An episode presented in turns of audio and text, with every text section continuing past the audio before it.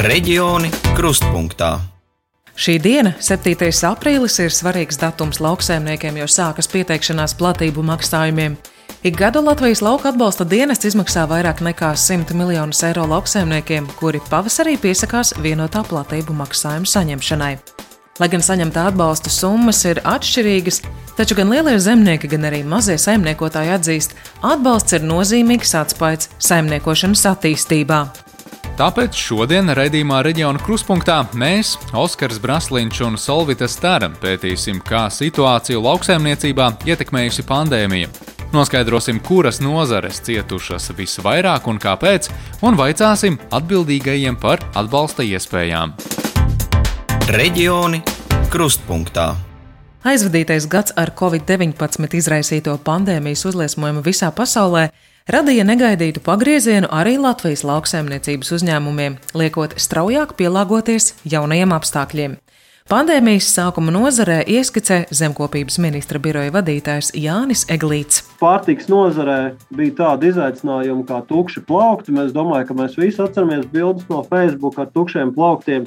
Tika izdots arī ministru kabineta noteikumos eh, punkts, kurš eh, noteica, ka prioritāri ir eh, vietējais tirgus un tikai tad pēc tam nāk eksports nu, tiem ražotājiem, kuriem plūda projām arī prece. Un, nu, tā visa rezultātā mēs nonācām situācijā, ka gan veikalu plaukti bija pilni, gan arī lauksaimnieki nu, saulaicīgi saņēma šo drošības pilvēnu, kas bija finansiāls atbalsts 45,5 miljonu apmērā, tika garantēts tām nozarēm, kurām klājās visgrūtāk. Un te nu ir laiks noskaidrot, kuras lauksaimniecības nozares un kāpēc cieta visvairāk. Visvairāk, protams, bija šis eksporta kritums, tika parādījās piena nozarē, kur arī dramatiski krita piena cena. Ir jāsaka, ka šo, no arī šobrīd Latvija eksportē aptuveni 60% no saražotā piena apjoma. Nu, un, e, tajā brīdī, ja mums pēkšņi šie 60% krītās, tad nu, tas ir ļoti būtisks. Būtisks faktors. E, tieši tāpat arī jāsaka, ka e, situācija pēc tam kļuva dramatiska arī cūku, cūkopības nozarē. Jo Āzijas tirgus, kas nu, tajā brīdī vēl bija vaļā arī saistībā ar šiem Covid ierobežojumiem, aizvērās ciet. Šīs cenas vienkārši viņas nu, viņas nevis krita, viņas gāzās lejā. Latvijas cūku audzētāju asociācijas vadītāja Dzintra Lēniece atzīst, ka tā ir negatīva apstākļu sakritība, jo tā nav tikai pandēmija, bet arī Āfrikas cūku mēris, kas grauj šo nozari.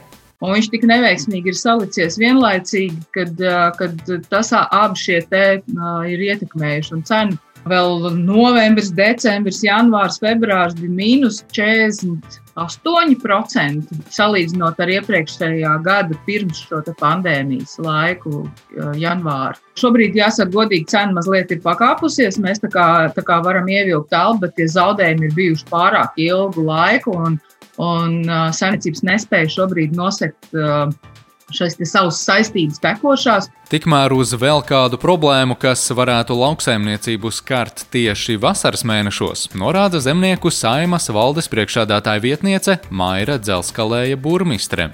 Nu, tas, ko mēs jūtam arī šobrīd, eh, nu, tas ir ietekmi drīzāk būtu uz darba spēku un darba spēku pieejamību, jo lauksaimniecībā ir šis sezonālais raksturs un uh, vasaras mēnešos sezonā mums ir vajadzīgi vairāk darbinieki tieši augļu dārzeņu nozarē. Apgrūtinātāka ir iebraukšana Latvijā un vispār Latvijā diezgan grūta sezonas darbinieku ieviešanu, iebraukšanu no citām valstīm. Nu, un, un, un pandēmija, protams, ka tam nav palīdzējusi. Vismierīgāk šo laiku pārdzīvoja tā dēvētie graudinieki, taču tas vairāk saistīts ar nozares specifiku, nevis lielāku atbalstu. Turpina zemkopības ministra biroja vadītājs Jānis Eglīts. Nu, graudkopības nozara ir eh, būtiski atšķirīga no piena, no, no piena lopkopības, eh, no cūkopības, no putnu nozares.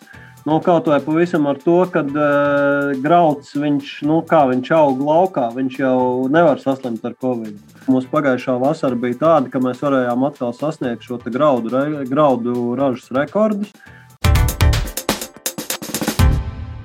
Pandēmijas sākumā viscerīgākie bijuši mazie ražotāji, norāda Dzintra Lēniece, taču ilgstošā dīkstāve un arī mūsu pašu pirkšanas iespējas un paradumi ātri vien šo cerību kliedēja. Jāsaka godīgi, ka sākotnēs pandēmijai mazie, mazie ražotāji bija mazliet uz viļņa un teica, ka ir apgrozījums palielinājies, jo cilvēks sēž mājās un gatavo mājās un ir mainījušies šie ēšanas paradumi. Tās saimniecības, kurām bija sava ražošana, savu pārstrādi un savas tirzniecības vietas, viņi teica, ka apgrozījums ir palielinājies. Otrādi, ka pandēmija nebija ietekmējusi. Tad šobrīd arī šie mazie saka, ka pirktspēja ir samazinājusies. Un, un tas ir šīs ilgstošās uh, ekonomiskās uh, dīkstāvus sekas. Taču zemnieku saimā norāda, ka latvieši kā vietējās produkcijas pircēji nemaz nav tik atsaucīgi un turpina Maira Dzelskalēja būrmistre.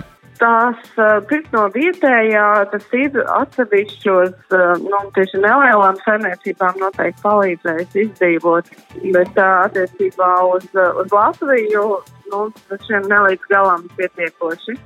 Bet padomā cilvēki, mums ir daudz, daudz vairāk mēdījiem un pašiem arī lauksaimniekiem, visai sabiedrībai par to jārunā, kāda nozīme ir eh, tad, ja mēs naudu atstājam šeit savam ražotājam, mēs vēlamies eh, importēt to preci vai vispār nedomājam, no kuriem šī prece nāk. Taču izrādās, ka, lai cik absurdi tas varbūt neizklausītos, situāciju pasliktināja arī valstu vēlme finansiāli atbalstīt savus ražotājus. Skaidro zemkopības ministra biroja vadītājs Jānis Eglīts un Latvijas cūku audzētāju asociācijas vadītāja Dzintra Lēniece. Vēl būtiski atzīmēt, ka ārkārtīgi, ārkārtīgi tādu nu, lāču pakalpojumu mums izdarīja Lietuva, kad viņi sākumā ļoti lielu naudas apjomu arī iedalīja arī tām nozarēm, kas tajā brīdī vēl nu, tādus zaudējumus nesajūt, šobrīd mūsu putnu kopji joprojām no tā arī cieši, kad nu, cieši tieši konkurētspēja. Jo Lietuva nu, nu, burtiski nobēra naudu par, tā, par Lietuvas putnu kopiem, ko Latvija nevarēja finansiāli apsvērumu dēļ nevarēja to izdarīt. Mēs ļoti izjutām tajā brīdī, kad Beļģija saviem ražotājiem iedeva atbalstu, tad cena nokritās vēl zemāk un, un tika tirgots par dempinga cenu kad mēs vairs nesapratām, nu, kā, kā tas var būt, kad uz Latviju var atvest lētāk nekā viņi rāda savās šajās te cenu aptauju, cenu, cenu ziņošanas lapās. Mēs saņēmām atbalstu stipri niecīgāku, uzreiz teikšu. Un, un, un šis te ierobežojums ar, ar 100 tūkstošiem griezti mūs ļoti skāra, jo tāpēc, ka cūkopība ir ļoti naudietilpīga nozara. Un, un tiešām tiem ražotājiem, kam, kam ir šie lielie zaudējumi pa 600 tūkstošiem mēnesī mīnus, uh, nu, stādieties priekšā, ja tev, tev ir griezti 100 tūkstoši atbalsta, tas ir nekas. Aizvadītā gada nogalē zemkopības ministrs Kaspars Gerhards sniedz informāciju par lauksaimniekiem un pārtikas ražotājiem piešķirtā valsts atbalsta 45,5 miljonu eiro izlietojumu. Skaļākais secinājums, kas pāršāca medijus, nauda palika pāri. Kam tad īsti bija pieejami atbalsta pasākumi, vai bija problēmas tiem kvalificēties, skaidro zemkopības ministrijas pārstāvis pieejami viņi bija e, tiem, kas varēja pierādīt pirmām kārtām šo apgrozījumu kritumu, Eh, otrām kārtām, kas eh, varēja pierādīt, ka viņi savus tiešos ienākumus gūs no šīs nozares. Nu, respektīvi, tas nebija tā, ka es tagad uztaisu kādu sijā un uzreiz pretendēju uz kaut kādiem konkrētiem atbalsta pasākumiem. Eh, nauda palika pāri, tāpēc, ka šajās nozarēs, kur viņi bija paredzēta, viena lieta bija Eiropas Savienības noteikumi, kas paredzēja, ka var saņemt atbalstu tikai līdz 100 tūkstošiem, kas bija saistīts ar de minimis maksājumiem pieniem. Eh, un ļoti daudzi piena lopkopji nesaņēma, nevarēja saņemt tieši tāpat tā kā cūkopības nozarē, arī nevarēja saņemt pilnu šo atbalsta, pieejamu atbalsta eh, apjomu. Un otra lieta bija tā, ka mums jāsaka paldies Dievam, ka visur nu, šī Covid ietekme nebija tik liela, kā mēs bijām sākumā prognozējuši. Tiesa gan nozares pārstāvi šobrīd sadarbībā ar atbildīgo ministriju šo problēmu risina. Bet eh, Covid atbalsts šobrīd jau ir pamainīts. Arī mēs, eh, kā nozara, lūdzām Eiropas komisijas pārstāvis mainīt šos nosacījumus tieši cūkopības nozarei. Tie 100 tūkstoši griezti ir stipri par maz. Un šobrīd ir, ir tas, kad ir lēmums, kad ir pacelti griezti, ir 225 tūkstoši vienam vienam pretendentam, kas ir, protams, ļoti labi. Arī tas ir, kā saka, arī tas ir labi, tikai lūdzu rīkojieties ātrāk, negaidiet, kad, kā saka, slīcējs jau sāk laist burbuļus. Februārī sociālajā vietnē Twitter vairāki cilvēki pauda neizpratni par lēmumu piešķirt daudz miljonu atbalstu zemniekiem, tajā skaitā cūkopiem. Sašutumu raisīja apstākļis, ka atbalsts cūkām piešķirts bez jau kādiem jautājumiem, tajā pašā laikā diskusijas par vienreizējo atbalstu bērniem bija garas, un daži iedzīvotāji pat pretnostatīja cūkas pret cilvēkiem. Zemkopības ministrijas pārstāvis Jānis Eglīts, runājot par šo gadījumu, norāda, ka lauksaimniecībā atbalsts bija nepieciešams tūlītēji.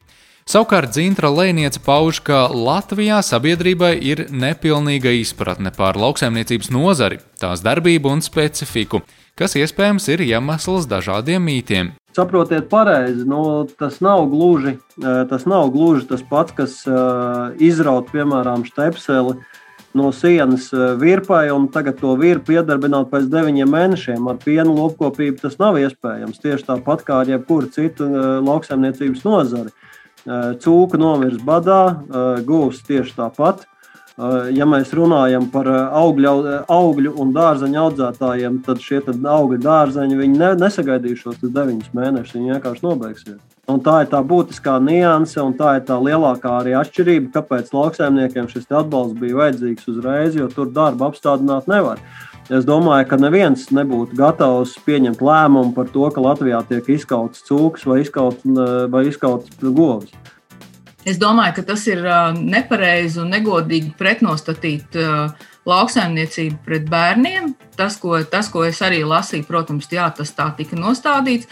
Un vēl jau vairāk šis dzīvnieks, kā cūka, tika pretnostatīts bērnam. Ja? Es teiktu, tā, ka arī, arī šīs summas, kad, kad tajā summā iekšā ir ne jau tikai cūkopība, tur ir, tur ir arī citas, bet kāpēc tika izcelts, ka tieši gribās teikt, ka šobrīd grūti ir visiem? Savā ziņā Jānis Eglītis piekrīt, ka lauksaimniecība nav tā nozare, kura uz citu fonu būtu cietusi visvairāk. Taču pārlieku agri priecāties arī nevarot. Par nākotni jādomā jau šodien. Ja mēs, protams, salīdzinām to ar uh, Horekas biznesu, ar uh, viesnīcu biznesu, tad, ir, tad, protams, mēs varam uh, justies mazliet, mazliet uh, gandarīti par to savu paveikto, ka mums ir izdevies nodrošināt šo stabilitāti. Un, nu, vismaz nav dzirdēts, ka kāda, ka kāda no saimniecībām būtu beigusi savu darbību tieši Covid ietekmes dēļ. Uh, Taču tas, ne, tas neļauj mums, jo jeb, jebkurā eh, gadījumā tas neļauj mums kaut kādā veidā eh, sēdēt un pašiem par sevi priecāties. Brīdī, kad visa Eiropa iet ārā no šīs situācijas, lai tieši mūsu ražotāji ir tie, kas gūst vislielākās priekšrocības attiecībā pret pārējiem. Jo, eh, jo vairāk naudas ieplūdīs ekonomikā caur eksportu, jo labāk dzīvos arī Latvijas cilvēki. Jo vairāk nodokļu tiks maksāt, jo lielākas darba algas būs reģionos, un tas viss ir nesaraujami saistīts. Uz to, ka nekas vēl nav beidzies un ar pandēmijas sekām vēl būs jācīnās, norāda arī Zintra Lēniece. Šī brīža situācija ir tāda, ka katru rītu es saņemu zvanus un saki, lūdzu, kādā procesā ir sarunas, uh, kādā, cik tālu ir, kad, kad mēs varētu kaut kādu palīdzību sagaidīt. Jo, jo ir tas satraukums ir diezgan pamatīgs un pamatots, uh, jo tās saistības neviens nav atcēlis, un maksājums, ikdienas maksājums arī neviens nav atcēlis. Līdz ar to tā situācija šobrīd ir ļoti saspringta.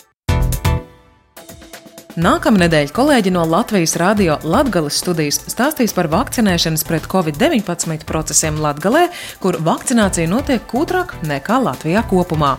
Pēc programmas Latvijas Rādio 1 pasūtījuma raidījumu veido RTV un raidījuma veidotāji Solvita Stara un Oskars Brasliņš. Reģioni krustpunktā.